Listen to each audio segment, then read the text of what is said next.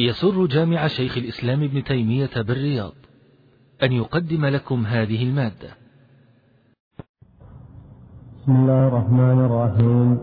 الحمد لله رب العالمين وصلى الله وسلم على نبينا محمد وعلى آله وصحبه أجمعين. قال المؤلف رحمه الله تعالى كتاب الجنايات. عن ابن مسعود رضي الله عنه قال قال رسول الله صلى الله عليه وسلم لا يحل دم امرئ مسلم يشهد أن لا إله إلا الله وأني رسول الله إلا بإحدى ثلاث الطيب الزاني والنفس بالنفس والتارك لدينه المفارق للجماعة متفق عليه. وعن عائشة. رضي الله عنها عن رسول الله صلى الله عليه وسلم قال لا يحل قتل مسلم إلا بإحدى ثلاث خصال. زان محصن فيرجم ورجل يقتل ورجل يقتل مسلما متعمدا فيقتل ورجل يخرج من الإسلام فيحارب الله ورسوله فيقتل أو يصلب أو ينفى من الأرض. رواه أبو داود والنسائي وصححه الحاكم. بسم الله رب العالمين والصلاة والسلام على نبينا محمد وعلى آله وأصحابه وأتباعه بإحسان إلى يوم الدين. أما بعد فيقول المصنف بحجر رحمه الله تعالى كتاب الجنايات. هذا الكتاب يسميه بعض أهل العلم كتاب الجنايات كما هنا وبعضهم يسميه كتاب القصاص ومن يقول كتاب الدماء من يقول كتاب الديات منهم من يجعل الديات بابا من كتاب الجنايات والمعنى واحد. والجنايات جمع جناية تشمل الجناية على النفس والجناية على ما دون النفس في الأطراف ونحوها وكذلك الجناية على العرض القذف وغيره. فكله داخل في باب الجنايات. حديث عبد الله بن مسعود رضي الله عنه ذكر المصنف رحمه الله وذكر الرواية الثانية عن عائشة مبينة موضحة لهذه الرواية. قوله لا يحل دم دم امرئ مسلم إلا يعني يشهد أن لا إله إلا الله وأني رسول الله إلا بإحدى ثلاث وهذا متفق عليه بين العلم أن المرأة أن المسلم من الرجال والنساء من عموم المسلمين أن دمه حرام ولا يجوز التعرض له ولا يجوز الاعتداء عليه.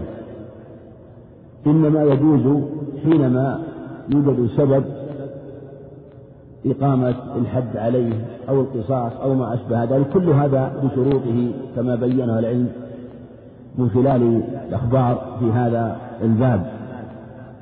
فقوله لا يحل دم المسلم يشهد أن لا إله وأني رسول الله إلا بإحداثه هذا هو الأصل والعصمة هذا هو الأصل أن العصمة لدم المرء المسلم؟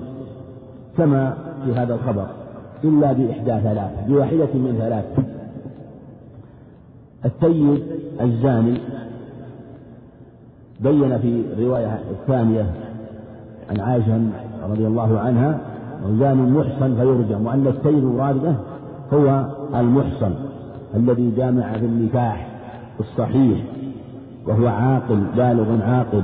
فهذا هو الذي يحل دمه ولهذا بين أن قتله يكون بالرجل يعني عند ثبوت بشرطه فإذا ثبت ذلك حل دمه. والنفس بالنفس يعني من قتل نفسا متعمدا. وهذا عند جمهور أهل العلم خص في الرواية الثانية في حديث في حديث عائشة رضي رجل يقتل مسلما متعمدا وشرطه أن يكون القتل متعمدا. أما لو وقع القتل خطأ فإن هذا لا يوجب الدم ولا يريد آه، الدم. وهذا محل اتفاق عند أهل العلم من جهة من حيث الجملة مع خلاف في وصف العمد عندهم ولعل يأتي الإشارة إلى شيء من هذا. والنفس بالنفس. وخرج بالنفس بالنفس صور منها قتل الوالد ولده ومنها قتل المسلم للكافر ومنها قتل الحر للمملوك. وهذه الصور خارجة بعضها عند الجمهور وبعضها عند باتفاق أهل العلم ويأتي الإشارة إلى شيء منها في الأحاديث التي تأتي في كلام صنف رحمه الله. والتارك لدينه المفارق للجماعة. التارك لدينه المفارق للجماعة. التارك لدينه هو المرتد كما جاء في الرواية الثانية ورجل يخرج من الإسلام في حديث عائشة. في حديث عثمان ورجل كفر بعد إسلامه في لفظ أو ارتد بعد إسلامه. فبين أنه لا يحل دمه إلا إذا ارتد أو كفر بعد إسلامه. ومن ذلك أيضا الزنديق فكله داخل في وصف المرتد. المفارق للجماعة. أيضا هذا وصف آخر. التارك لدينه يشمل ترك الكل بالردة ويشمل ترك الدين ببدعة ونحوها. ولهذا قال المفارق للجماعة الذي يفارق الجماعة ويخرج عليها وكذلك في حديث عائشة رضي الله عنها وصف لهذا التارك لدينها المفارق للجماعة كما في حديث عائشة. ولهذا المصنف رحمه ساق حديث عائشة وقد رواه مسلم حديث عائشة والمصنف ما عزاه إليه لأنه لأن مسلم لم يسوق لفظه رحمه الله إنما قال ساقه بعد حديث ابن مسعود فقال بمثله. فلم يسق لفظه ثم لفظ مسعود مختلف عن لفظ حديث عائشة هذا. وأيضا رواه النسائي من حديث من حديث عثمان رضي الله عنه بإسناد صحيح فهو من حديث مسعود ومن حديث عائشة ومن حديث عثمان رضي الله عن الجميع. وفي قوله ورجل يخرج فيحارب الله ورسوله فيقتل أو يسلب أو ينفى من الأرض هذا بيان لصفة الرواية الأخرى المفارق للجماعة. ولهذا اختلف العلماء في قول التارك لدينه مفارق للجماعة. هل وصف واحد أو وصف لكل مفارق أو المراد به المرتد؟ والأظهر أنه شامل للجميع. فالترك للدين يشمل الترك الكلي وترك بعض الدين بنوع خلاف خاص ببدعة وضلالة. ولهذا أخذ بعض أهل العلم من هذا وهو قول مالك وقول الجماهير كثير من أهل العلم هذا أن المفارق للجماعة ببدعة أو ضلالة أو فساد في الأرض فإنه فإنه يقتل. لكن اختلف في المحارب هل هو هل هل هو مخير الإمام مخير فيه؟ أو يختلف فيما إذا قتل. ذهب جمع إلا أن الإمام مخير, مخير فيه إن شاء قتله وإن شاء آه، صلبه وإن شاء آه، وإن شاء نفاه من الأرض بحسب ما يرى بحسب ما يرى. إلا إذا وقع القتل إذا وقع القتل وكان القتل لشخص والقتل وطلب بدمه ولي المقتول فإنه في هذه الحال له الحق. لكن هو الكلام من حيث الجملة فيما إذا وقع آه، محاربة وفساد في الأرض فإن له الخيار في مثل هذا إذا لم يقع قتله. فهذا الخبر أصل في هذا الباب وأن الأصل حرمة دم المسلم وعصمة دم المسلم إلا ببينة تدل على هذا كما تقدم. نعم. عن عبد الله بن مسعود رضي الله عنه قال قال رسول الله صلى الله عليه وسلم أول ما يقضى بين الناس يوم القيامة في الدماء متفق عليه. نعم. حديث عبد الله بن مسعود رضي الله عنه متفق عليه كما ذكر مصنف رحمه الله. وفي أول ما يقضى بين الناس يوم القيامة في الدماء. في تعظيم أمر الدماء وأن أمرها شديد وعظيم. ولهذا جاء الشارع بتحريم الدماء والاعتداء على النفوس المسلمة والمعصومة. كل هذا يدل على أنه لا أنها محرمة ومعصومة. أول ما يقضى بين الناس يوم القيامة في الدماء في الدماء. وذلك لعظم شأنها. وجاء في رواية أخرى من حديث تميم الداري من حديث أبي هريرة رضي الله عنهم أنه عليه الصلاة والسلام قال أول ما يحاسب العبد من أعماله يوم القيامة الصلاة وفي حديث حديث تميم وفي حديث أبي هريرة أنه يبدأ بالصلاة ثم الزكاة ثم تؤخذ الأعمال على ذلك يعني على هذا النحو. ثم يقال انظروا هل لعبدي من تطوع. اختلف العلماء في أيهما يبدأ بالدماء أو بالمحاسبة على الصلاة ونحوها. الأظهر والله أعلم أن يقال إن إن القضاء يكون في الدماء. يعني أول ما يبدأ في القضاء في الدماء وأول المحاسبة في الصلاة ونحوها. فرق بين القضاء والمحاسبة. فعلى هذا يكون البداءة في حقوق العباد في أمر الدماء. أعظم حقوق العباد أمر الدماء. فيبدأ بها. وكذلك حق الخالق سبحانه وتعالى أمر العبادات وشأنها وشأن العبادات وأعظمها وأجلها شأنا وأعظمها خطرا الصلاة. فلهذا هي أول ما يكون القضاء في حقوق العباد يكون في الدماء لأن هذا أمر يتعلق بحقوق العباد. وهذه والمحاسبة تكون في حقوق الله عز وجل يعني مراد الخالصة وإلا ما من أمر يأمر الله به. أو نهي ينهى عنه سبحانه وتعالى إلا وله فيه حق. لكن مراد الحقوق الخالصة أو الذي يغلب فيها حقه سبحانه وتعالى أو أو الحقوق التي يغلب فيها حق العباد. فأول ما يقضى بين الناس يوم القيامة في الدماء. و وذلك أن أن حقوق العباد مبنية على المشاحة فابتدأ بها. فابتدأ بها. وفي الصحيحين عن علي رضي الله رضي الله عنه أنه قال أنا أول من يجثو بين يدي الله بالخصومة يوم القيامة. يعني في شأن بدر يوم القتل يوم بدر لما قتله هو هو أصحابه رضي الله عنهم لما وقعت مبارزة بينه وبين كفار قريش وأنهم وأنهم أهل الحق وخصومهم أهل الباطل. فأول من يجد الخصام هو رضي الله عنه. ومن معه فيجدون للمخاصمة. وجاءت الأخبار في هذا الباب كثيرة تبين أمر الدماء وشدة أمر الدماء. وكذلك جاء من حديث مسعود من حديث ابن عباس عند النسائي بسناد جيد أنه قال يأتي يوم القيامة يأتي المقتول يوم القيامة ممسكا بقاتله وبيد ممسكا رأس ورأسه بقاتل بيده وبيده الأخرى القاتل. وأوداجه تسخب دما فيقول يا ربي سل هذا فيما قتلني.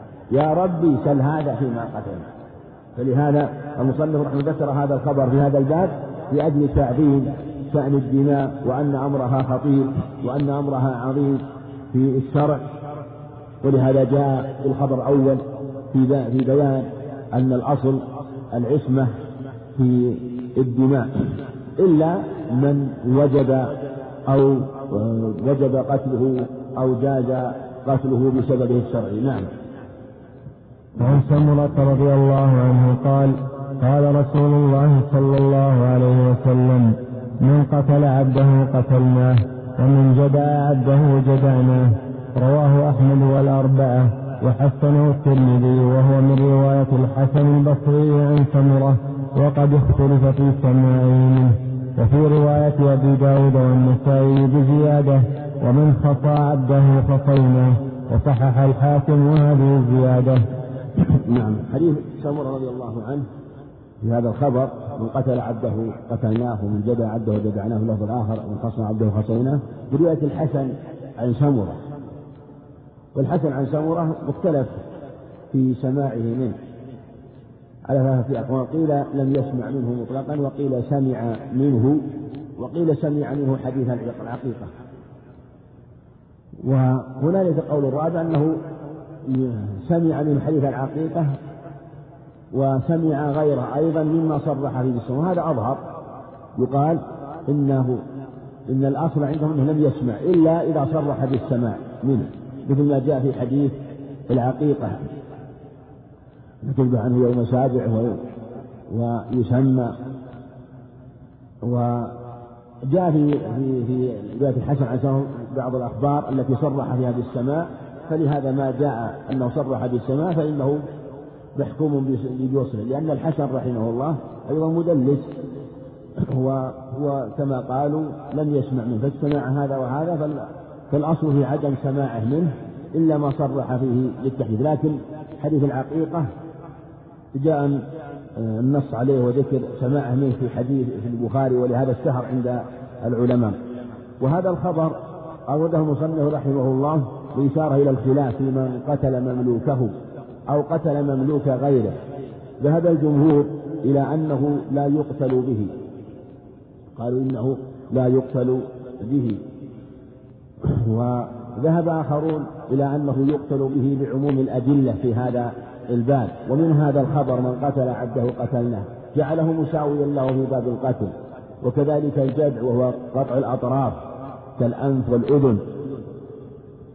والمخالفون ذكروا أدلة من جهة المعنى ومن جهة النقل عدة أخبار في هذا الباب أنه عليه الصلاة والسلام آه، لم يساوي بين الحر والمملوك وفي لفظ أن رجلا قتل مملوكه فلم يقده يقده به بل محى سهمه من سهم المسلمين ونفاه سنة وأمر بجلد لكن كلها أخبار لا, لا تثبت. قال تعالى يا أيها الذين كتب عليكم القصاص في القتل الحر بالحر. والذين خالفوا استدلوا بأدلة. في قوله وكتبنا عليهم فيها أن النفس بالنفس. من آية المائدة لكن من خالف قالوا إن هذا لأهل الكتاب أما التي في آية البقرة فهي خطاب لأهل الإسلام. وفي دلالة الآية نزاع للطرفين من هنا ومن هنا. في دلالة الآية لا هذه ولا هذه نزاع كبير. والأظهر أنه استدل بأدلة أخرى لا نزاع فيها لأن مهما استدل استدل هذا الطرف وهذا الطرف فإن فيها نزاعا كثيرا. لا يقوى على المقابلة بين بين المتنازعين. والأظهر أن يستدل بأدلة أخرى. وعلى هذا من قال إنه يقتل به قال الأصل عندنا العموم.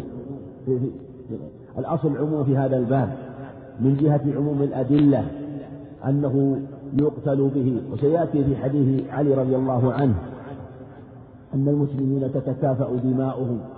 هذا عام تتكافأ دماؤهم. يعني معنى أن تتكافأ في القصاص وفي الدية. فلا فرق بين حر وعبد ولا شريف ومتروك ولا رجل وامرأة كلهم تتكافأ دماؤهم. فذكرهم في باب العهد وفي باب المكافئة في الدم والقصاص والدية فدل على المساواة. وهذا هو وهذا هو الأقرب. وأيضا من جهة أيضا عموم الأدلة القاعدة الأصولية عند أهل العلم قاعدة أن أن المكلفين يدخلون في خطاب الشرع ولهذا أورد قاعدة. هل يدخل هل يدخل المملوك في خطاب الشرع؟ هل يدخل أوردوا قاعدة. هل يدخل المملوك في خطابات الشرع أم لا؟ أوردوا القاعدة هذه على سبيل التساؤل من جهة أن أنهم رأوا أنه لا يدخل في بعضها بلا خلاف ويدخل في بعضها بلا خلاف وفي بعضها فيه خلاف. فلهذا نقول الأصل دخوله. الأصل دخوله. إلا ما دل الدليل على أنه لا يدخل. مثلا الحج لا يجب على المملوك على المملوك لا يجب حتى بمعنى أنه ليس مخاطب فلو حج وهو مملوك وجب عليه إذا عتق لحديث ابن عباس في هذا الباب عند ابن شيخ وغيره أي مملوك حج ثم عتق فعليه حجة أخرى. مثلا وكذلك أمور أخرى اختلف فيها. نقول ما دل النص مثل مثلا قذف قذف الحر أو قذف السيء قذف المملوك السيد لعبده هل يقاد به؟ لا يحد به. لقوله عليه الصلاة من قذف مملوكه أقيم له يوم القيامة حتى يقام له وقف له يوم القيامة حتى يقام عليه حد. فدل على أنه ليس داخل في عموم الأدلة في وجوب حد القذف بهذا الخبر. فنقول أنه أن أنهم هل يدخل الخطاب؟ نقول أن الأصل الدخول في هذه القاعدة الأصولية الأصل الدخول إلا ما دل الدليل. وفي خطابات داخل مثل وجوب صلاة وجوب الصلاة عليه وجوب الصلاة عليه. الزكاة لا يدخل آه، من جهة أنه لا يملك إلا إذا قيل بالتمليك. فلا يدخل ولو ولو كان له مال لأن ماله لسيده فلا يدخل في خطابات الشرع في باب الزكاة. وهكذا إذا تأملت هذه المسألة وجدت أنه في بعضها لا يدخل بلا خلاف وفي بعضها يدخل بلا خلاف وفي بعض اختلف فيها المختلف فيها نقول نقول الأصل دخوله في عمومات خطاب الشارع هذا هو الأصل فمن قال إنه ما يدخل وش الدليل عليه؟ ما هو الدليل عليه؟ ولهذا نازع كثير من العلم في عموم هذه القاعدة وفي آه، تخريج كثير من الفروع على هذه القاعدة الأصولية وقالوا الأصل هو الدخول الأصل هو الدخول. ولهذا الذين يقولون لا يقتل به يقولون حتى ولو قتله كافر. لا يقتل الكافر الحر بالمملوك المسلم بالمملوك المسلم. والله والله والله سبحانه وتعالى يقول ولا عبد مؤمن خير من مشرك. فكيف يقال لا يقتل به وهو خير منه؟ فدل على أن في في الدلالة في الأدلة ذات نظر والأظهر والأظهر مثل ما تقدم هو الدخول وأنه يقتل به آه، مثل ما تقدم في عموم الأدلة وخصوصها أيضا من هذا الدليل. هذا الدليل شاهد في هذا الباب لكن عمومات الأدلة المستقرات من الشريعة في هذا الباب تدل على أنه يقاد به وإن خالف في ذلك الجمهور. نعم. وعن عمر بن الخطاب رضي الله عنه قال سمعت رسول الله صلى الله عليه وسلم يقول لا يقاد الوالد بالولد. رواه أحمد والترمذي وابن ماجه وصححه ابن الجارود والبيهقي وقال الترمذي إنه مضطرب. نعم حديث عمر رضي الله عنه لا يقاد الوالد بالولد. اختلف في ثبوته حديث عمر من هذا القبيل لكنه ضعيف. جاء من رواية مسلم الصباح من رواية غيره عن عمرو بن شعيب عن أبيه عن جده عبد الله بن عمر عن عمر بن الخطاب رضي الله عنه. وروى الترمذي من حديث ابن عباس أيضا وروى من حديث سراقة. وهذا الحديث وهذه الروايات كلها ضعيفة رواية عمر وسراقة بن عباس عند الترمذي كلها ضعيفة لكن بمجموعها تتقوى. وأيضا حديث عمر رضي الله عنه جاء له طريق جيد. أجود الطرق عند ابن الجارود في المنتقى برواية محمد بن عجلان عن عمرو بن شعيب عن أبيه عن جده عن عمر رضي الله عنه فقد تابع مثنى بن الصباح وغيره من الرواة الضعفاء والرواية هذه رواية جيدة حسنة الإسناد فعلى هذا تكون حجة في هذا الباب وحجة للجمهور في أنه لا يقاد الوالد بالولد معنى لا يقتل به لا يقتل الوالد بالولد وخالف في ذلك جماعة كمالك رحمه الله قال لا يقتل به إذا كان قتله على غير الصبر. أما إذا قتله صبرا كأن ذبحه مثلا عمدا قصدا لا يحتمل أي خطأ فهذا يقتل به. وإن كان لا على سبيل المخاصمة والمنازع حذفه بشيء رماه بشيء ولو كان يقتل مثله فإنه لا يقتل به. لا يقتل به. وقول الجمهور استدلوا بعموم هذا الخبر وقالوا إنه لا يقاد به وقالوا إنه هو السبب في وجوده فلا يكون السبب سببا في عدمه. و وهذا عند الجمهور في الوالد والوالدة ومنهم من ألحق به جميع الأصول من الأجداد والجدات. وإن علوا في الأولاد وإن سفلوا.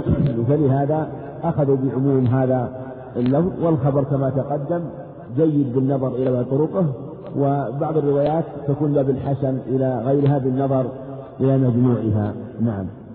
وعن أبي جحيفة قال قلت لعلي رضي الله عنه هل عندكم شيء من الوحي غير القرآن؟ قال لا والذي فلق الحبة وبرأ النسمة إلا فهما يعطيه الله تعالى رجلا في القرآن وما في هذه الصحيفة.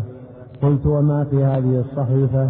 قال العقل وفكاك الأسير وأن لا يقتل مسلم بكافر رواه البخاري. وأخرجه أحمد وأبو داود والنسائي من وجه آخر. عن علي رضي الله عنه وقال فيه المؤمنون تتكافأ دماؤهم ويسعى بذمتهم أدناهم وهم يد على من سواهم ولا يقتل مؤمن بكافر ولا ذو عهد في عهده. وصححه الحاكم. حديث أبي جحيفة رضي الله عنه. هذا جاء عن علي من عند الطرق. وجاء أنه سأله عن ذلك الأشتر النخعي. وسأله أيضا غيره هذه المسألة. وذلك أن الشيعة كانوا يظنون أن عنده علما خاصا. فأبطل هذا وقال إنه ليس عندهم شيء من ذلك. ليس عندهم شيء من ذلك من الوحي غير القرآن. ليس هنالك شيء ولم يخص بشيء من ذلك. ولهذا أقسم عليه والذي فلق الحبة وبرأ النسمة. قال النسمة والنسمة. أقسم رضي الله عنه. إلا فهما إلا فهما بالنص على الاستثناء أو إلا فهم على أنه بدل من قوله شيء. يعطيه الله سبحانه وتعالى رجلا في القرآن. يعني إلا الفهم في القرآن. وهذا باب واسع. وفهم الناس يختلف اختلاف عظيم في الفهم في كتاب الله. ولهذا ربما استنبط بعض الناس فائدة من آية ومنهم ومنهم من يستنبط مئة فائدة. ذلك فضل الله يؤتيه من يشاء. فلهذا بين أن هذا الفهم ليس خاصا بأحد دون, دون أحد. قال وما في هذه الصحيفة؟ قلت وما في هذه الصحيفة؟ يبين أنه كان كتب أشياء رضي الله عنه دلالة على أنه لا بأس بالكتابة وأنه في عهد النبي صلى الله عليه وسلم كان يكتب وفي حديث عبد الله بن عمر رضي الله عنه أنه كان يكتب كما في حديث أبي هريرة إنما كان عبد الله بن عمر إنه كان يكتب ولا يكتب وقول النبي صلى الله عليه وسلم اكتبوا لأبي بن هريرة صحيح البخاري حديث أبي سعيد الخدري لا تكتبوا عني شيئا غير القرآن. ومن كتب عني شيئا القرآن فليمحوه هذا محمول حينما خشي اختلاط الوحي القرآن بالسنة. أما بعد أما إذا إذا تبين ثم تحقق الأمر فلا فلا نهي. ولهذا وقعت الكتابة في عهده عليه الصلاة والسلام. قال العقل العقل هو الدية ولهذا في في لفظ ابن ماجه فيها الديات. يعني أحكام الديات آه، مقاديرها أسنانها مقادير الديات وماذا يجب. وهذا سيأتي في الخبر في باب الديات. العقل وفكاك الأسير يعني حكم فكاك الأسير والحث على فكاك قوله عليه السلام فك فك العاني كما في حديث أبي موسى رضي الله عنه. فك العاني وعود المريض وأطعم الجائع وفك العاني يعود المريض وأطعم الجائع فيها فكاك الأسير يعني حث عليه وبيان آه، فضله. وألا يقتل مسلم بكافر. أيضا كذلك في ألا يقتل مسلم بكافر وأنه لا يجوز قتله. بهذا قول جمهور أهل العلم أجروا العموم في أنه لا يقتل مسلم بكافر سواء كان حربيا أو معاهدا أو مستأمنا من جهة أنه لا يجوز قتل مسلم بكافر في اللفظ الآخر ولا ذو عهد في عهده. يبين أنه وإن كان المسلم لا يقتل بكافر فلا فيبين أنه لا يجوز حتى لا يوهم جواز قتل كل كافر. رواية علي رضي الله عنه في هذا الباب إسناد صحيح قال المؤمنون تتكافأ دماؤهم لأنها تتساوى تتساوى دماؤهم وأنه وأن كل مسلم مساو لأخيه المسلم. في باب الدماء والديات في باب الدماء والديات. وكذلك ما تقدم حتى ولو كان مملوكا لظاهر هذا هذه الرواية. ويسعى بذمتهم أدناهم في لفظ وردوا عليهم أقصاهم. كل أدناهم يسعى بذمتهم ويسعى بذمتهم بمعنى أنه إذا أمن مسلم كافرا وجب تأمينه. ولهذا في حديث أم هانة أنه عليه الصلاة والسلام قال أجرنا من أجرت يا أم هانة. أجرنا من أجرت يا أم هانة.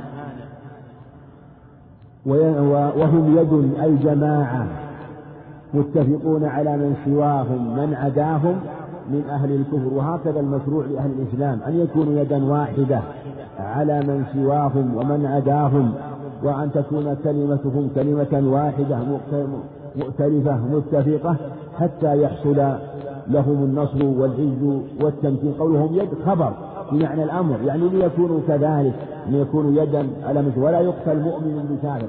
أيضا تأكيد لهذا ولا يقتل مؤمن لا يجوز قتل المسلم بالكافر مهما كان الكافر كما تقدم. أما الحرب بإجماع قال ولا ذو عهد في عهده فقول ولا ذو عهد في عهده حتى لا يوهم أن كون المسلم لا يقتل بالكافر فلا يوهم أنه يجوز قتل الكافر. لا الكافر إلا الذي يجوز قتله الحربي الذي لا عهد له ولا أمان. فلا يقتل الكافر الذمي الذي يكون بالذمة وهي الجزية وكذلك الكافر المعاهد في بلاد في بلاده من قوم عاهدوهم وكذلك أيضا صاحب الأمان والمستأمن كلهم لا يقتلون ولا يجوز قتلهم ولا ذو عهد في عهده قوله في عهده اختلف هنا هل هو معناه؟ والأظهر والله أنه أي بسبب عهده أن العهد يكون عاصما له ومانعا له وأنه لا يجوز التعرض له لا يجوز التعرض له ولا يجوز قتله. وقيل يعني أنه في عهده بسبب عهده وقيل في عهده أي مدة العهد. في عهده وتكون فيه على هذا على بابها ظرفية ولا ذو عهد في عهده.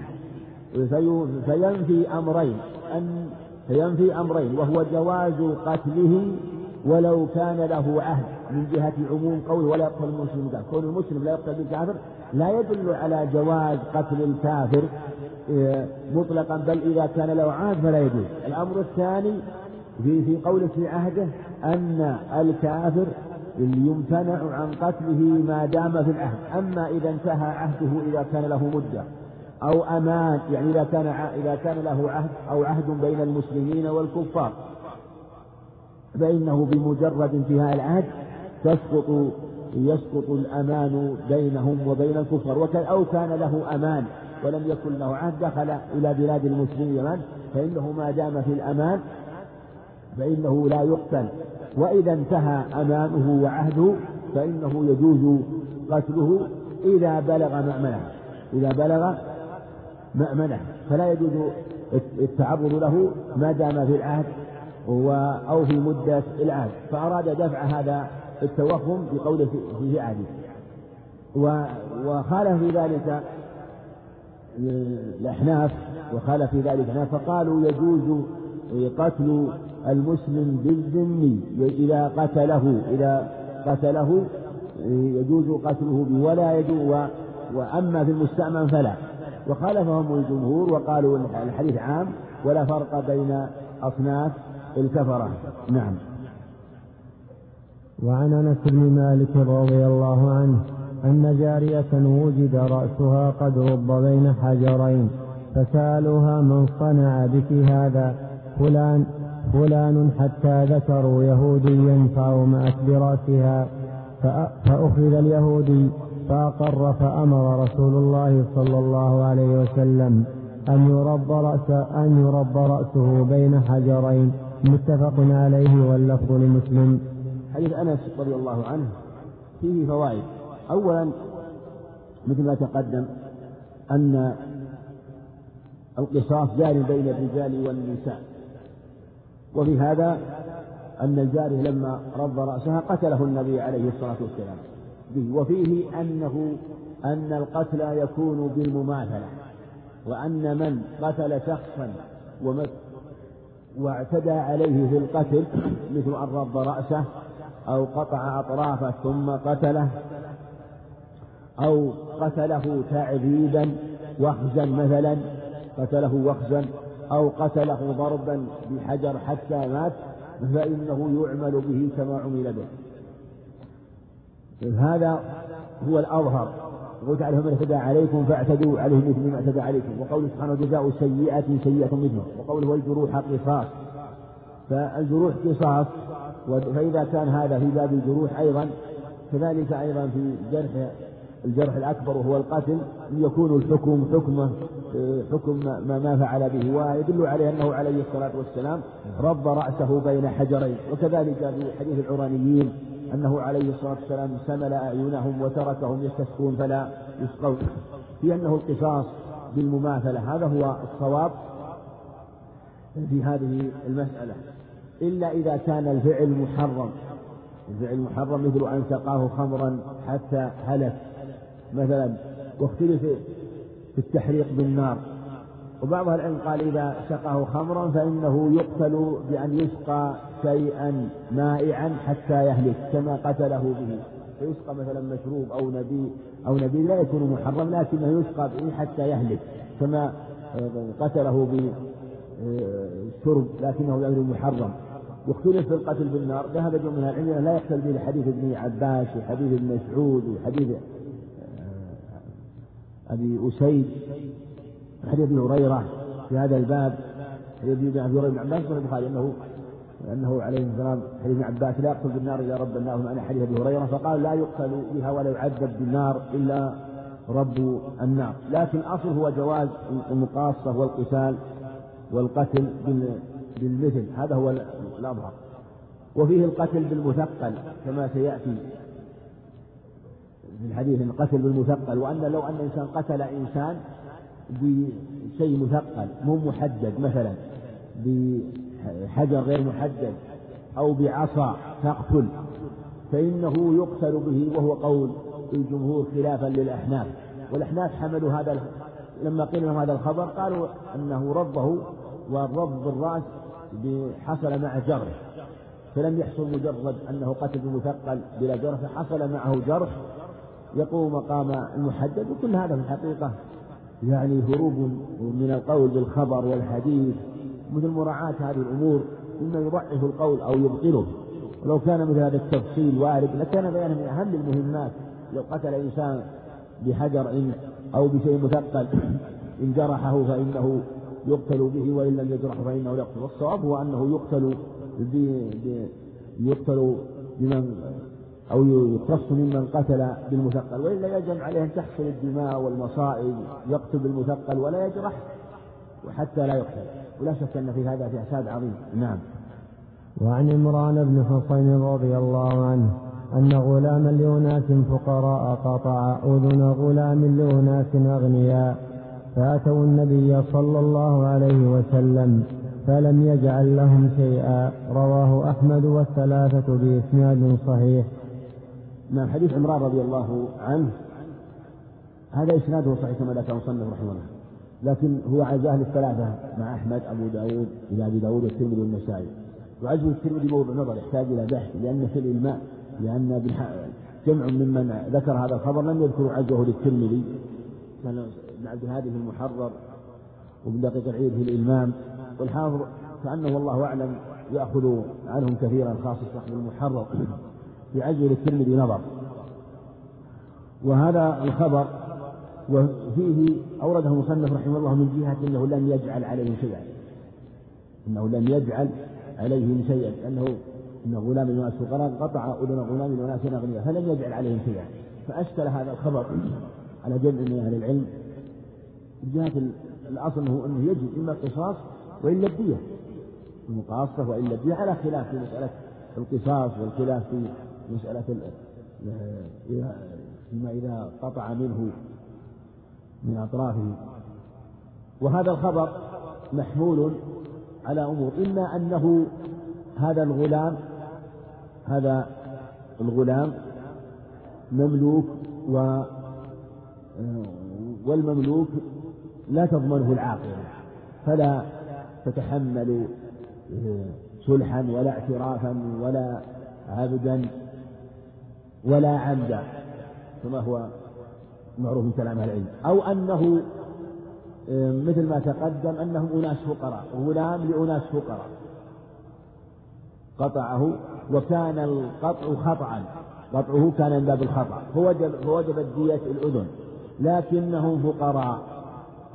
فلم يجعل لهم شيئا فلم يجعل بمعنى أنه لم يجد عليهم لأنهم فقراء فأسقطها عنهم أو أنه لم يجعل لم يجعل لهم شيئا في ذلك الوقت فتحملت ودفعت عنهم. المقصود أن هذا الخبر يعني يحمل على الأخبار الأخرى والأدلة الأخرى أن الأصل هو الوجود وأنها سقطت لسبب من الأسباب. مثل ما تقدم أنه كان القطع خطأ فوجبت دية الأذن ثم هو فقير وليس له شيء وعاقلته أيضا فقراء لأن الأذن على على العاقلة لأنها أكثر من الثلث والثلث والدية عند الجمهور تتحمل الثلث فما فوق تتحمل الثلث فما فوق فهي على العاقلة وكانوا فقراء. وإذا كانوا فقراء فليس عليهم شيء. في هذه الحالة إما أن تكون في بيت المال أو أنه ينتظر بهم. نعم. وعن عمرو بن شعيب عن أبيه عن جده رضي الله عنه أن رجلا طعن رجلا بقرن في ركبته فجاء إلى النبي صلى الله عليه وسلم فقال أقدني فقال حتى تبرأ ثم جاء إليه فقال أقدني فأقاده ثم جاء إليه فقال يا رسول الله عرجت فقال قد نهيتك فعصيتني فأبعدك الله وبطل عرجك. ثم نهى رسول الله صلى الله عليه وسلم أن يقتص من جرح حتى يبرأ صاحبه. رواه أحمد والدار قطني وأعل بالإرسال. نعم هذا الخبر عل بالإرسال وفيه ضعف لأنه من طريق ابن إسحاق عند أحمد وهو مدلس ولم يصدق بالسمع لكن تابعه ابن جريج عند الدار قطني فيقوى بهذه المتابعة. ابن جريج كان مدلس لكن تدليسه قليل. ما يدل على أن ابن إسحاق حفظه من جهة المتابعة. أيضا جاء عند ابن أبي شيبة بإسناد في الظاهر على شرطهما في الظاهر على شرطهما لكن لعله بعضهم بأنه أخطأ فيه ابن أبي شيبة أو بكر. وهذا في نظر في من جهة التعليم فإسناد ابن أبي شيبة إسناد قوي وإسناد صحيح. يشهد له رواية عبد الله بن عمرو رضي الله عنه من هذا الطريق.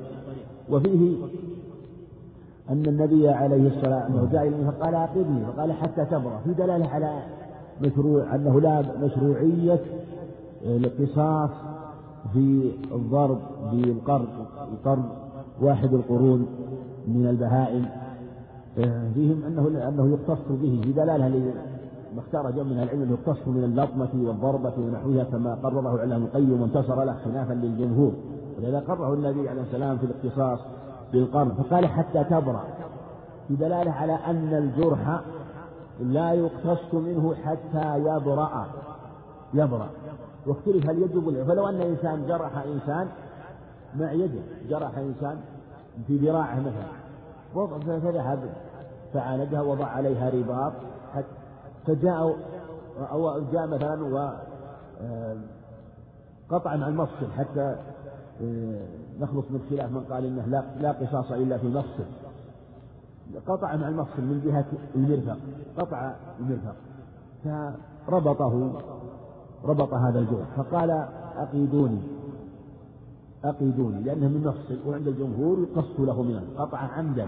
قال أقيدوني أريد أن أقتص منه ولا زال الجرح حتى لم يندمج. فالمشروع أن ينتظر حتى يبرأ الجرح وييبس. ويذهب أثر الجرح تماما.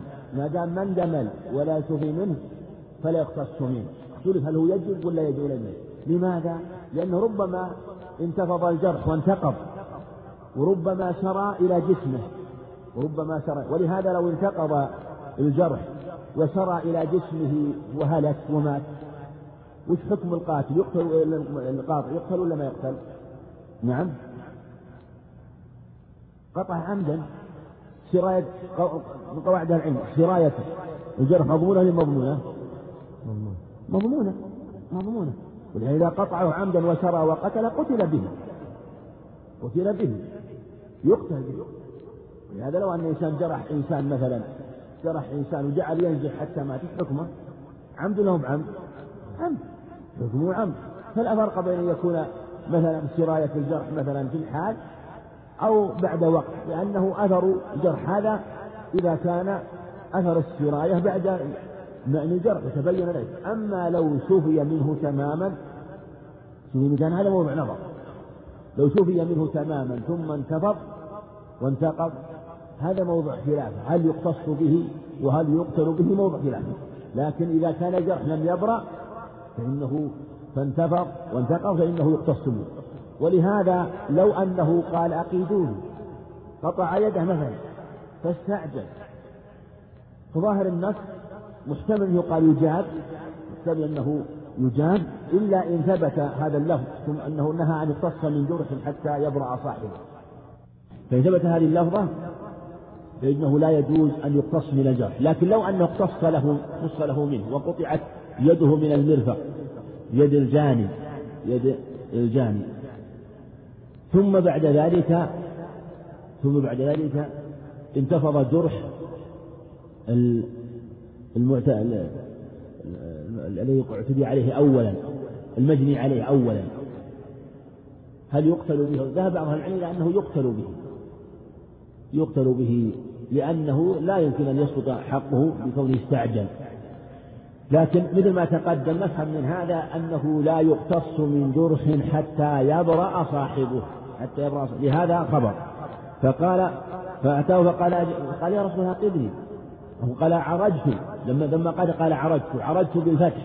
عرج بالفتح إذا أصابه شيء فبقي آه، أثره. أما عرج بالكسر إذا كان خلقة. من الأصل خلقة. قال عرجت. قال قد نهيتك فعصيت. فابعدك الله وأبطل عرجك. ولهذا لو أنه اقتص له مثلا منه ثم بعد ذلك جاء إنسان بعد القصاص قال صارت يدي معيبة الآن. صحيح أنها شفيت لكنها معيبة أريد أريد مقابل هذا العيب. نقول لا شيء لك بطل مثل ما قال النبي صلى الله عليه وسلم بطل عرضك بطل هذا العيب ما دمت استعجلت. وهذا قد يكون فيه قوة بقول من قال إنه إذا برأ صاحبه إذا قطعه ثم طلب المجني عليه القصاص ثم ثم بعد ذلك شفي منه وانتقض أنه لا أنه لا يعود. بخلاف ما إذا كان لم يندمل هذا موضوع نظر. لكن إذا شفي فالأظهر أنه لا تضمن سرايته بعد الشفاء لأنه لم يتحقق أنه يكون منه. ثم قال نهى أن يقتص من جرح حتى يبرأ. وهذا هو الأصل أنه لا أنه لا يقتص منه حتى يبرأ لأنه ربما سرى الجرح وربما امتد. فلهذا ربما مثلا قطع أصابع إنسان قطع أصابع إنسان فاستعجل. يقول لا تستعجل رب قد يسري الجرح مثلا إلى الكف وقد يسري إلى الذراع فينتظر. فلو أنه قطع كفه فسرى حتى وصل إلى المرفق. وانتهى إلى المرفق. نقول في هذه الحالة يكون القصاص من المرفق لأن لأن سراية الجرح مضمونة سواء كان بقطع أو بقتل إذا كان عمدا. نعم. وعن أبي هريرة رضي الله عنه قال اقتتلت امرأتان من هذيل فرمت إحداهما الأخرى بحجر فقتلتها وما في بطنها. فاختصموا إلى رسول الله صلى الله عليه وسلم فقضى رسول الله صلى الله عليه وسلم أن دية جنينها غرة عبد أو وليدة وقضى بدية المرأة على عاقلتها وورثها ولدها ومن معهم فقال حمل ابن النابغة الهذلي. فقال فقال نعم. فقال حمل حملوا حملوا بفتح حمل ابن النابغة فقال حمل ابن النابغة الهذلي يا رسول الله كيف يغرم من لا شرب ولا أكل ولا نطق ولا استهل فمثل ذلك يطل. فقال رسول الله صلى الله عليه وسلم إنما هذا من إخوان الكهان من, من أجل سجعه الذي سجع. متفق عليه. وأخرجه أبو داود والنسائي من حديث ابن عباس رضي الله عنهما. أن عمر رضي الله عنه سأل من شهد قضاء رسول الله صلى الله عليه وسلم في الجنين. قال فقام حمل بن النابغة. فقال كنت بين يدي امرأتين. فضربت إحداهما الأخرى فذكره مختصرا. وصححه ابن حبان والحاكم. نعم حديث هريرة ثبت معناه من حديث المغيرة ومن حديث حمد مسلمة رضي الله عنه في الصحيحين. هذا المعنى أنه قضى في إمراص المرأة بغرة غرة عبد أو أمة.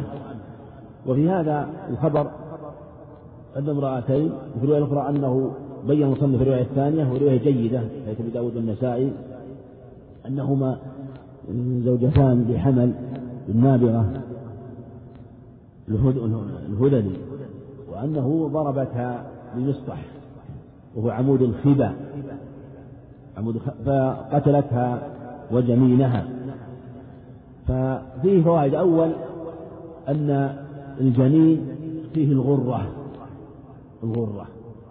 والجنين هو والغرة تثبت في الجنين إذا سقط ميتا إذا سقط ميتا. وفيه غرة أخرى. والغرة اختلف فيها وعند الجمهور قدروها بخمس من الإبل وهو عشر دية الأم. عشر دية أمة لأنها خمسون من الإبل. واستدلوا بهذا لأن هذه قيمة الغرة آه، في يعني هذا قدر هذه قيمتها في ذلك الزمن وأن تقادل وهي يعني الغرة يعني أمة أو يعني رجل أو امرأة مملوكة ومملوكة غرة من من غرة الشيء هو الشيء النفيس. ويدل له أيضا رواية أبي داود رواية أبي داود من حيث بريدة أنه جعل فيها مئة شاة. مئة شاة. جاء في داود 500 شاة وقال أبو داود إنه وهم. ابن عباس عبد العظيم العنبري من العنبري والصواب أنه مئة شاة. مئة شاة عشر دية الأم لأن الدية من الشياه ألف شاة. الدية ألف شاة للرجل والمرأة ألف شاة. لا تختلف هل هي أصول أو أو بدل والصواب أنها بدلات. أنها بدل. جميع أنواع الديات بدل إلا دية الإبل وما سواه بدل. فالذهب والفضة ومئة بقرة وألف شاة ومئتي حلة وألف مثقال أو ألف دينار اثنا عشر ألف درهم كلها أبدال. والأصل هو الإبل. الأصل هو الإبل. يأتي شرع إلى هذا في في حديث الديات إن شاء الله. فيها خمس من الإبل اللي هو عشر الدية الأم. وهي تقدر الآن يعني إن كانت إن كان خطأ إن كان خطأ فالدية فالدية خمسون ألف المرأة وخمس خمسون ألف الدية شبه العمد وفي حق الرجل مئة ألف الدية الخطأ والعمد مئة وعشرة. هذا هو المعمول به وهي الدية مقدرة قديما كان نوزع فيها يعني من جهة النظر في هذه الدية وتقديرها لأن الإبل ارتفعت أثمانها جدا. فالمقصود أن هذا وعلى هذا تكون يكون مقدارها عشر العشر يعني خمسة آلاف إذا كان خطأ وإن كان القتل شبه عمد القتل شبه عمد فإنه فيها الخمس خمس خمس خمس وخمسين ألف. فالمقصود أن أنها غرة عبد عامة وأنها مقدرة بخمس من الإبل. فقضى وأنها تكون آه، تكون لورثة الجنين لورثة الجنين لورثة الجنين. وإذا كان القاتل من ورثته فإنه لا يرث لا يرث. بل تكون موروثة عنه كأنه ولد حيا كأنه ولد حيا ثم مات ثم آه، ورث عنه هذا المال فقتل. فلا قاتله لا يرث. فلو أن أمه أسقطتها عمدا أسقطت جنينها عمدا فإن الدية تكون موروثة عنه ولا شيء ولا شيء له ولا شيء لها بل تكون موروثة لورثته سوى أمه.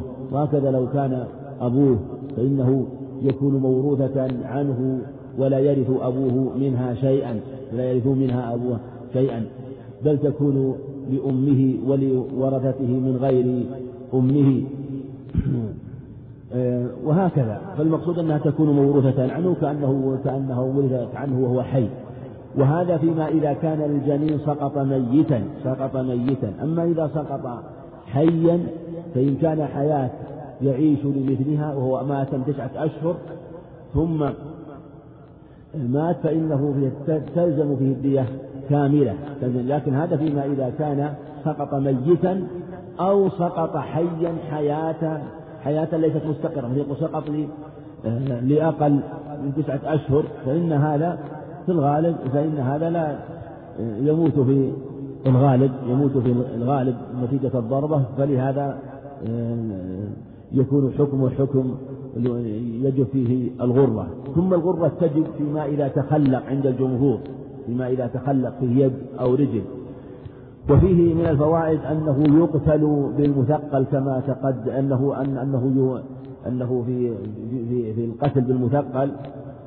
هذا الخبر استدل به أنه لا يقتل بالمثقل. أخذ به بعض من قال لا قال إنها ضربتها بعمود الخباء والمصطح والنبي صلى الله عليه وسلم قضى فيها بالدية العاقلة. والدية لا تكون آه، في إلا في قتل الخطأ في قتل الخطأ.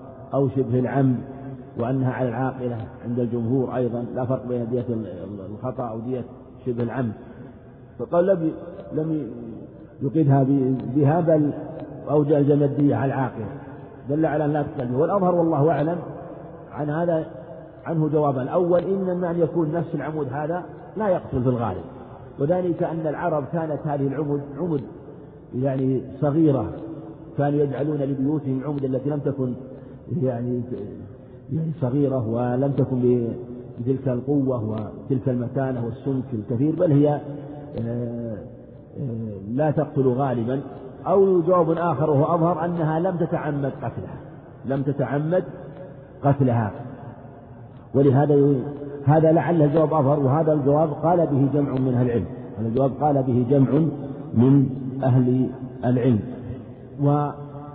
وفيه أيضا مثل ما تقدم مسألة الجنين وأنه إذا كان نطفة أو علقة فإنه لا شيء فيه بل لا بد من وجود التخلق واختلف فيما إذا كان آه، مضغة ولم يتخلق هل تثبت فيه أو لا تثبت فيه والأظهر أنه إذا كان قد ظهر فيه شيء وتبين مبدأ خلق واتضح مبدأ خلق فإنه يقتل به. وفيه أيضا أنه قال ورثها ولدها ومن معه. ورثها ولدها. اختلف العلماء في العاقلة هل يدخل فيهم الوالدان الوالد والولد أو لا يدخلون أو يدخل الوالد دون الولد؟ والأظهر أن جميع العصبة كلهم من العاقلة. وما جاء في الحديث أنه برأ ولدها يظهر والله أعلم أن ولدها إذا كان من غير عصبتها إذا كان من غير عصبتها. وهذا هو الأقرب. ولهذا قال ورثها ولدها ومن معه. فإذا كان الولد من عصبتها فإنه داخل لكن كأنه أراد قضية الحال وقضية الواقع لأن ولدها ليس من عصبتها. فإذا كان إذا كان ولد جانية من إذا إذا كان من عصبتها فإنه فإنه يكون داخلا بضمن العصبة كما يدخل الوالد. هذا هو الأقرب وهو الذي يقوم عليه الدليل وهو الذي يقوم عليه الدليل في هذه المسألة. ويدل عليه أنه عليه الصلاة والسلام بين أن المرأة يعقلها عصبتها من كانوا كما روى أهل السنن إلى الترمذي. من عبد عمرو عبد الله بن عون العاص قال أنه أن قضى بالعاق بالدية على على العصبة من كانوا من كانوا سواء كانوا من جهة آبائها أو أبنائها. وهذا الخبر أنه جابر برأ ولدها برأه لأنه لم يكن من عصبتها. فهذا هو الأقرب في هذه المسألة. والله أعلم وصلى الله وسلم وبارك على نبينا محمد. بسم الله الرحمن الرحيم. الحمد لله رب العالمين وصلى الله وسلم على نبينا محمد وعلى آله وصحبه أجمعين. قال المؤلف رحمه الله تعالى وعن أنس رضي الله عنه أن الربيع بنت النضر عمته كسرت ثنية جارية فطلبوا إليها العفو فأبوا فعرضوا الأرش فأبوا فأتوا رسول الله صلى الله عليه وسلم فأبوا إلا القصاص فأمر رسول الله صلى الله عليه وسلم بالقصاص فقال أنس بن النضر يا رسول الله أتكسر ثنية الربيع؟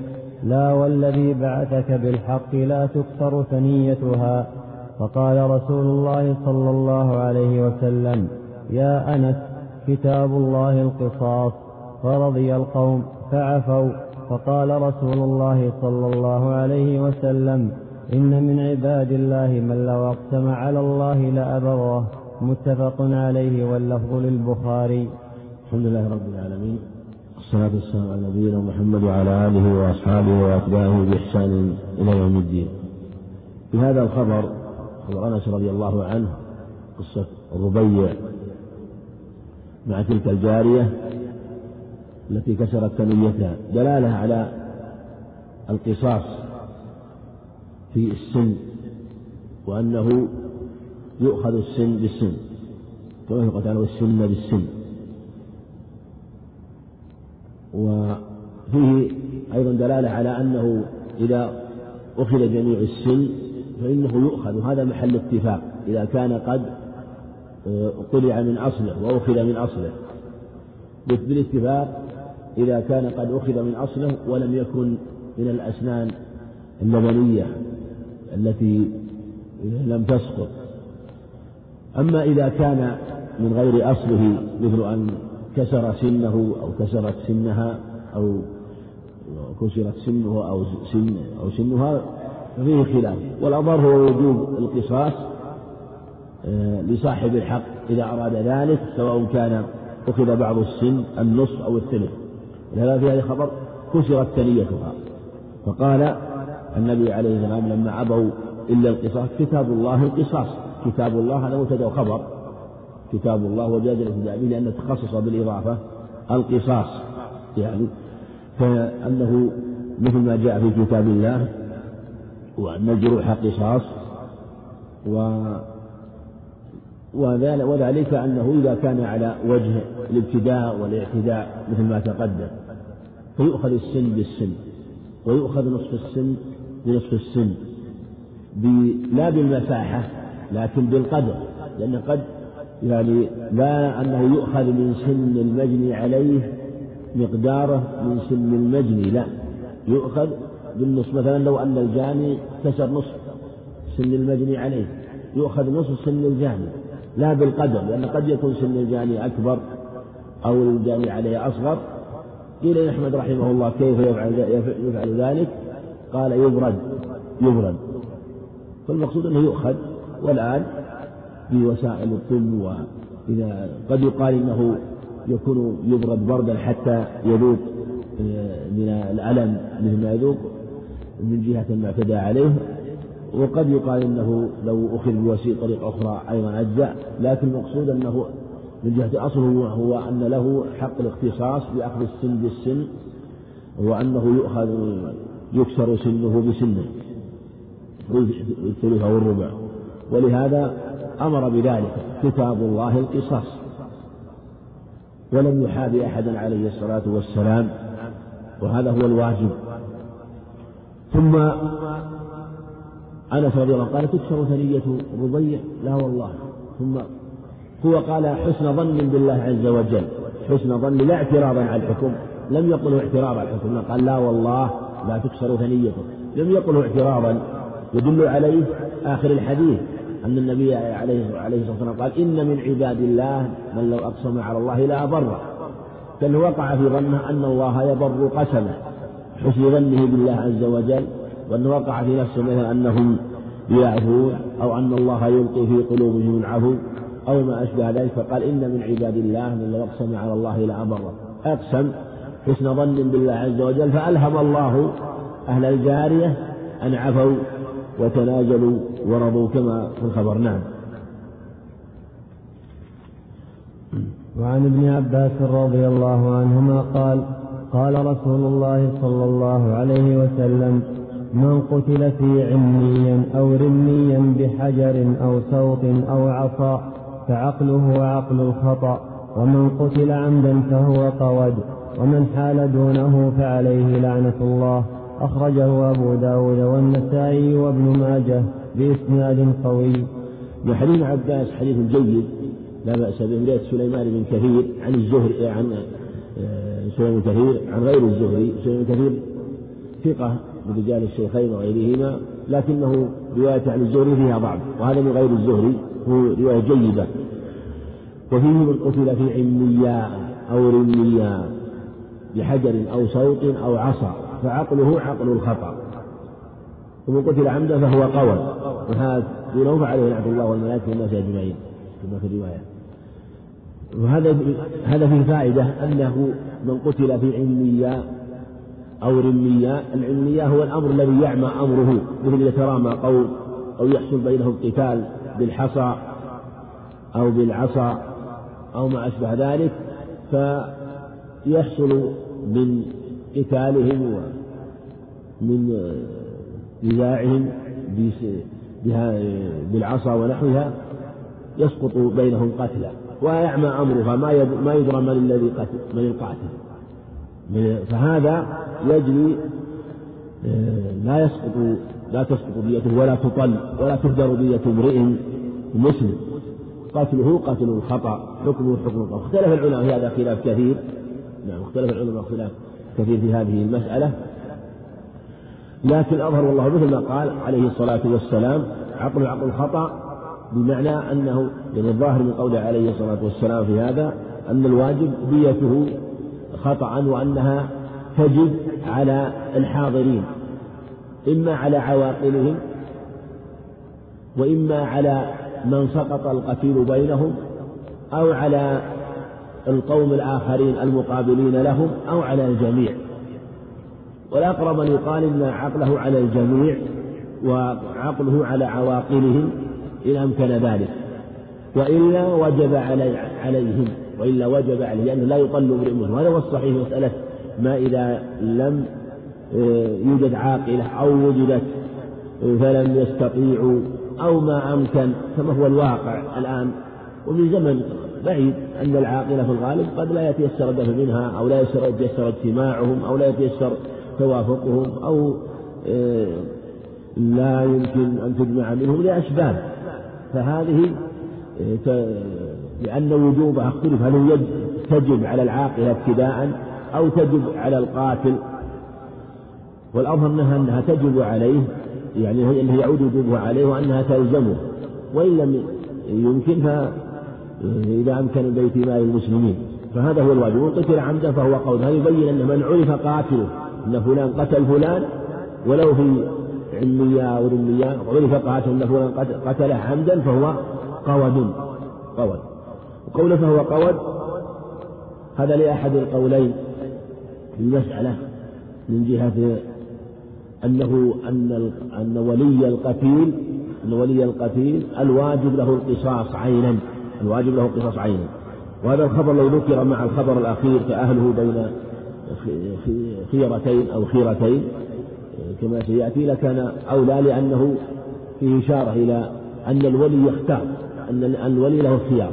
فإن شاء الولي طلب القصاص وإن شاء طلب الدين. وهذا قول الجمهور.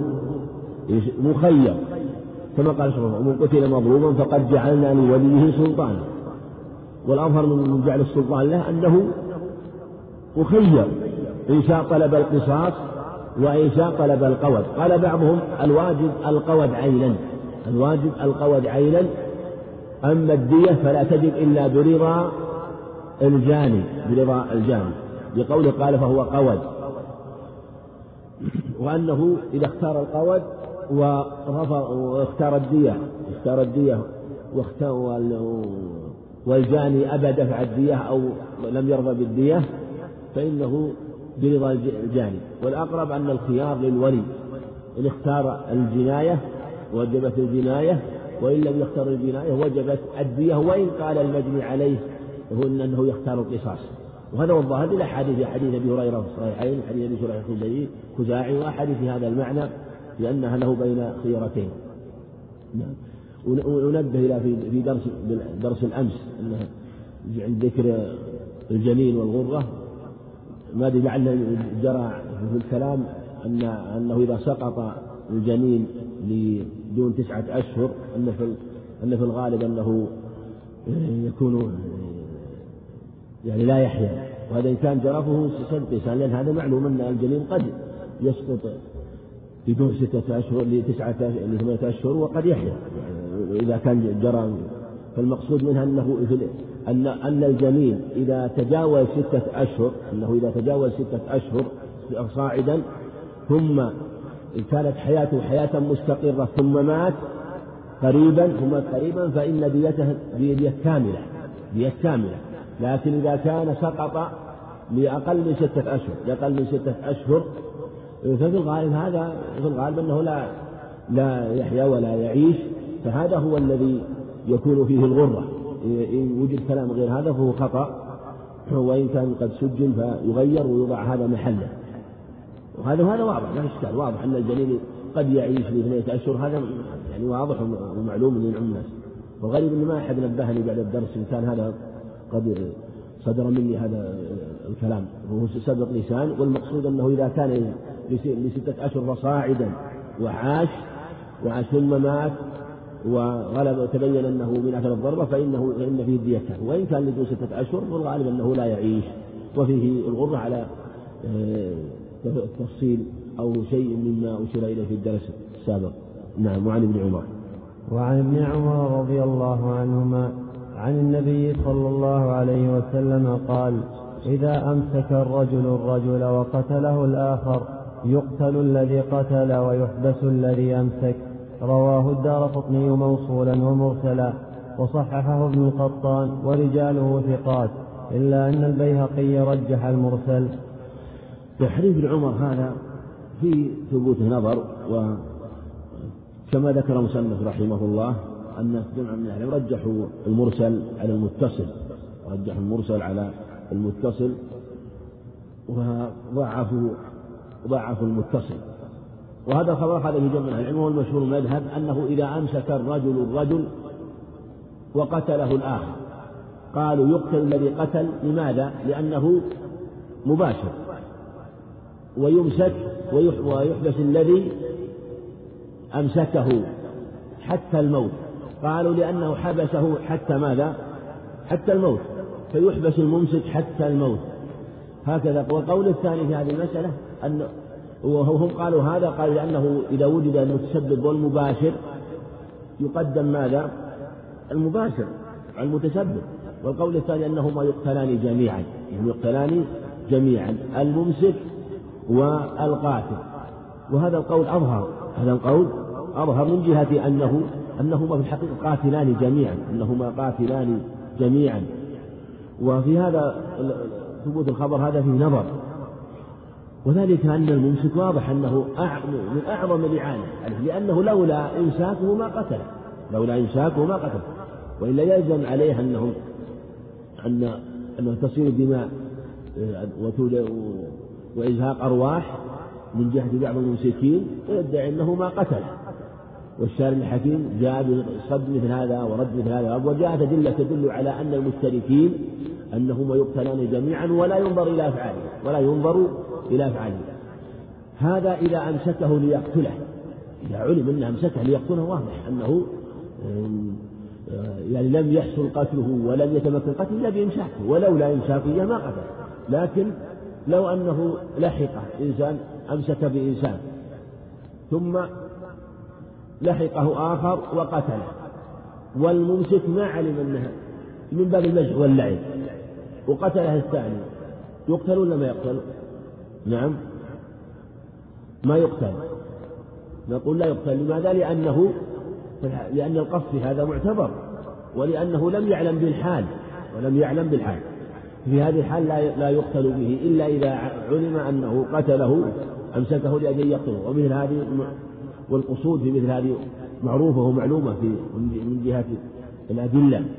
فالأظهر والله أعلم هو القول الثاني وهذا الخبر في ثبوته. نظر أو يحمل على وجه آه، يتفق مع بعض الصور التي لا يقتل فيها كما لو أمسكه وهو لم يعلم لأنه سوف يقتله. نعم. وعن عبد الرحمن بن البيلماني أن النبي صلى الله عليه وسلم قتل مسلما بمعاهد وقال أنا أولى من وفى بذمته. أخرجه عبد الرزاق هكذا مرسلا ووصله الدار قطني بذكر ابن عمر فيه وإسناد الموصول واه والحديث لا يصح. عبد الرحمن بن الميلماني ضعيف متروك والحديث مرسل والمتصل أضعف لأنه من طريق إبراهيم بن أبي يحيى الأسلمي ذكر عن بذكر ابن البيلماني عبد الرحمن بن البيلماني عن عمر عن, عن ابن عمر. والصواب مثل ما تقدم قول الجمهور أنه لا يقتل المسلم بالكافر وجاءت أخبار في هذا الباب في قتل قتل المسلم قتل المسلم بغير مسلم لكن كلها أخبار تثبت وقول الجمهور لحديث علي ما جاء في معناه كما تقدم. نعم. وعن ابن عمر رضي الله عنهما قال قتل غلام غيلة فقال عمر رضي الله عنه لو اشترك فيه أهل صنعاء لقتلتهم به. أخرجه البخاري. نعم حديث ابن عمر هذا أخرجه البخاري. قال قال لي ابن بشار. قال لي ابن بشار وهذه رب الصيغة ربما استخدمها رحمه الله في بعض الأخبار التي تكون موقوفة سواء كانت قولية أو فعلية. وهذا الخبر قال إذا اشترك في أهل صنعاء لا قتلتم هذا يؤيد ما تقدم أن الاجتماع على القتل يقتل به وهذا هو الصواب وهو قول الأكثر وإن خالف جمع من العلم. وهذا له قصة أن رجلا من أهل اليمن كان له زوجة من أهل صنعاء في اليمن له زوجة وله ولد من غيرها. فسافر وترك المرأة والغلام فاتخذت خليلا. فقالت لخليلها وصاحب صديقها إن هذا الغلام يفضحنا. فاقتله فأبى أن يقتله فامتنعت منه المرأة. فعند ذلك أجاب فاجتمع على الغلام المرأة وخليلها ورجل آخر. فقتلوه ووضعوه في عيبة في الجلد ثم رموه في بئر غير مطوية مهجورة ثم بعد ذلك اطلع عليه وظهر وتبين أمره وكان يعلى بن أمية على اليمن والي على اليمن من قبل عمر رضي الله عنه فأرسل إليه بالأمر يخبره بالواقع فكتب إليه عمر رضي الله عنه بقتله وقال بقتله بقتله المرأة وصاحبها والرجل آخر وهم ثلاثة أو أربعة وأمره أن أن يقتلهم به. وقال لو اجتمع عليه أهل صنعاء لقتلتهم به. وهذا يبين أن إذا اجتمع قوم على قتل رجل أو امرأة أو آه، رجال أو نساء اشتركوا فإنه يقتل الجميع. وإن اختلفت أفعالهم لأنه ما قتل إلا به ما حصل قتله إلا بتعاونهم وتعاضدهم فلو أمسك هذا وهذا جرح جرحا وهذا جرح جرحا وهذا يضرب وهذا يرفس وما أشبه ذلك حتى قتلوه فإنهم يقتلون جميعا يقتلون جميعا لاجتماعهم. وإن اختلفت وتفرقت أفعالهم ما دام أنه حصل بقتلهم جميعا ولو لم يقتل يقتلوا يقتلوا به يعني إلى الفساد أن يجتمع كل من أراد قتل الإنسان دعا جماعة معه وقتلوه. حتى لا يثبت القصاص عليه. ولهذا كان الصواب ما دل عليه هذا الأثر ودلت عليه معاني ومقاصد الشريعة. نعم. وعن أبي شريح الخزاعي قال قال رسول الله صلى الله عليه وسلم فمن قتل له قتيل بعد, بعد, بعد مقالتي هذه فأهله بين خيرتين إما أن يأخذوا العقل أو يقتلوا. أخرجه أبو داود والنسائي. وأصله في الصحيحين من حديث أبي هريرة بمعناه نعم حديث بشريح هذا آه، كما ذكر صلى الشاهد حديث أبي هريرة وفيه مقال فيه مقال طريق ابن أبي العوجة سفيان بن أبي العوجة لكن شاهد في الصحيحين وجاءت أيضا أدلة أخرى أيضا تشهد له وأنه عليه الصلاة والسلام من قتل قال كما في الصحيحين قال في قصة قتيل خزاعة لما خطب الناس على عند الكعبة أو على على درج الكعبة فقال من قتل له قتيل فهو بخير النظرين إما أن يودى أو يقتل. يودى يعني يؤدى الدية وهو العقل كما في هذا الخبر. وهذا مثل ما تقدم يبين أن أهل القتيل آه، لهم الخيار وأنهم يختارون وأن الخيار لهم كما تقدم إن اختاروا الدية فإنهم لا يجوز لا يجوز لهم القتل. وإن اختاروا القتل فإن لهم أن يأخذوا الدية لأنه انتقال إلى ما هو أقل فلهم أن يأخذوا. أما من أخذ الدية فلا أعفي من قتل بعد أخذ الدية. فلهذا لأنه يسقط به القود بعد العفو. نعم. باب الجهل باب الديات عن أبي بكر بن محمد بن عمرو بن حزم عن أبيه عن جده رضي الله عنه.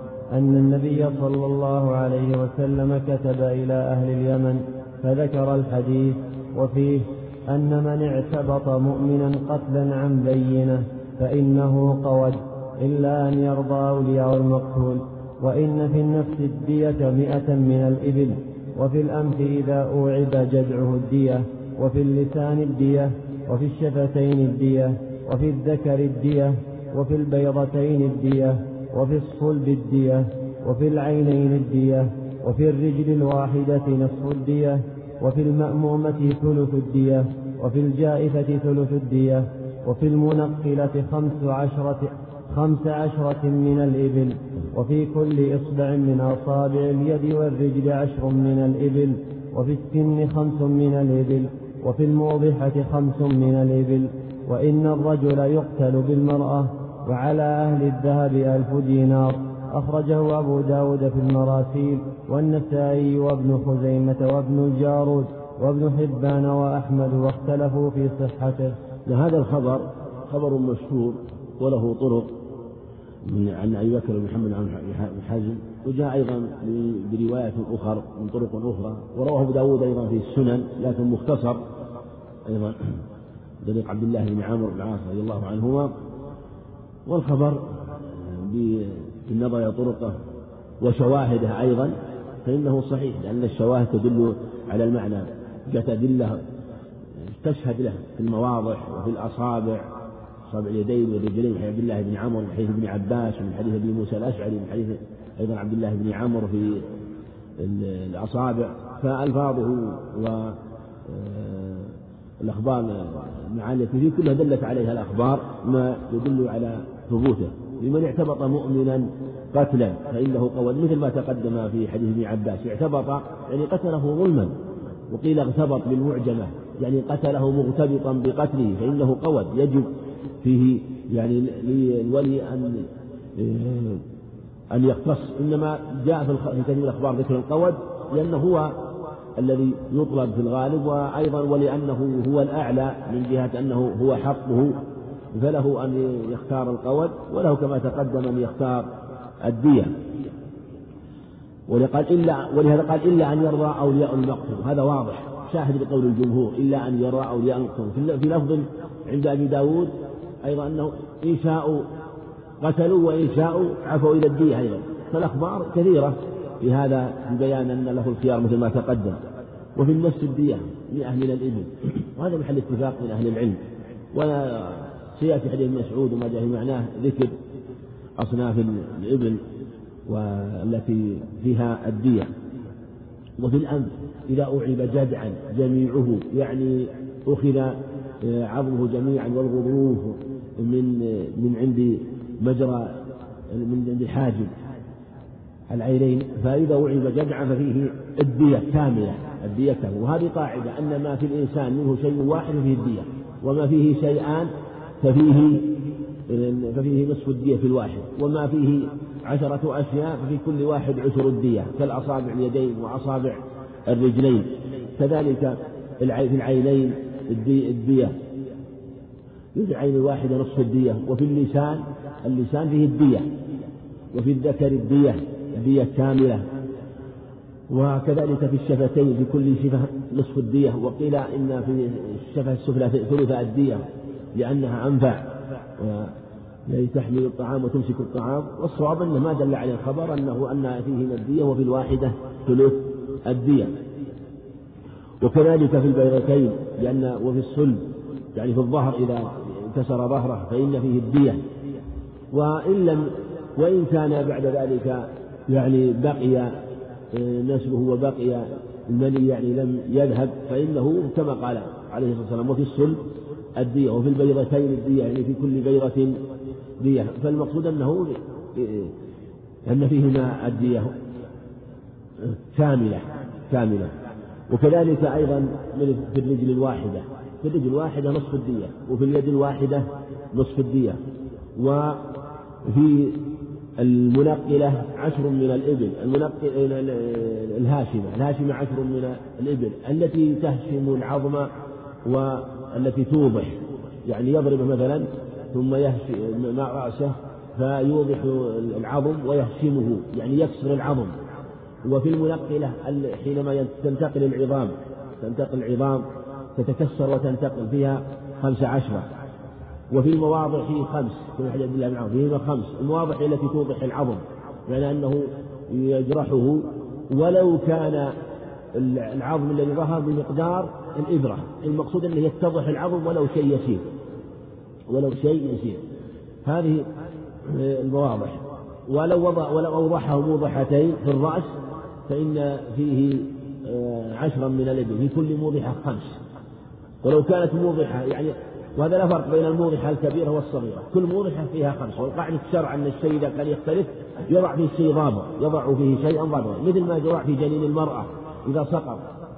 جنين المرأة فيه فيه, سواء كان ذكر أو أنثى آه، صغير أو كبير ما دام أنه سقط ميتا أو سقط آه، في لوقت لا يعيش مثله ثم مات فإن فيه فإن فيه الغرة كما تقدم ربطه بربط كذلك مثل ما وضع يعني في من اشترى مصراتا من اشترى مصراتا فيها صاع من تمر. يعني ما عندي حكمة في مثل هذا والمناسبة واضحة. لكن يضع ضابطا ولا فرق بين القليل والكثير في مثل هذا ومثل اللبن المصرات قلة وكثرة سدا لباب النزاع والخلاف مع أن الحكمة ظاهرة وواضحة في مثل هذه الأمور. كذلك في المأمومة وفي الجائفة ثلث الديانة. المأمومة التي تصل إلى أم الدماغ تصل إلى أم الدماغ وتبقى بينه وبينها قشرة وبين الدماغ قشرة رقيقة الثلث. وفي الجائفة هي التي تكون في الجوف في الظهر أو في البطن واختلف في الجائفة في في العظام الأخرى في الفخذ وفي الساق وفي غيرها. قالوا إنه خاص بالجائفة في الجوف وذلك ما يجري إذا جرحه ووصل إلى جوفه بسكين أو نحوها. أو مثل لو اخترق جلده برصاص مثلا. دخلت رصاصة في جوفه أيضا فإن فيه ثلث الدية لأنها جائفة. وإن اخترقت الرصاصة مثلا بطنه وخرجت من ظهره أو من ظهره خرجت من ففيه جائفتان لأنه شقه من الأمام وشقه من الخلف. فالمقصود أن في الجائفة الواحدة ثلث الدية كما في الموضحة ثلث الدية وفي الموضحتين آه، خمس خمس. وفي الأصابع عشر عشر. في الأصابع عشر. لا فرق بين الإبهام وغير الإبهام والصغير والكبير وما هو مفصل واحد ومفصلان فإن فيه عشرا من الإبل. عشر وهذا كما في حديث سيأتي حديث ابن موسى وحديث ابن عباس وحديث عبد الله بن عمرو كلها في أنه فيه عشر من وأن الرجل يقتل بالمرأة هذا محل اتفاق. حكى ابن المنذر وجماعة من العلم الرجل يقتل بالمرأة كما تقتل المرأة بالرجل وعلى أهل الذهب ألف دينار. هذا يعني أنها بدل منها في في في الزكاة أنها في في في الدية أنها بدل الإبل. وأنها تقوم في ذلك الوقت بألف دينار بألف دينار. وفي الذهب وفي الفضة باثني عشر ألف كما سيأتي وأيضا اختلف هل هي هذا أصل وإلا بدل كما سيأتي الإشارة إليه. نعم.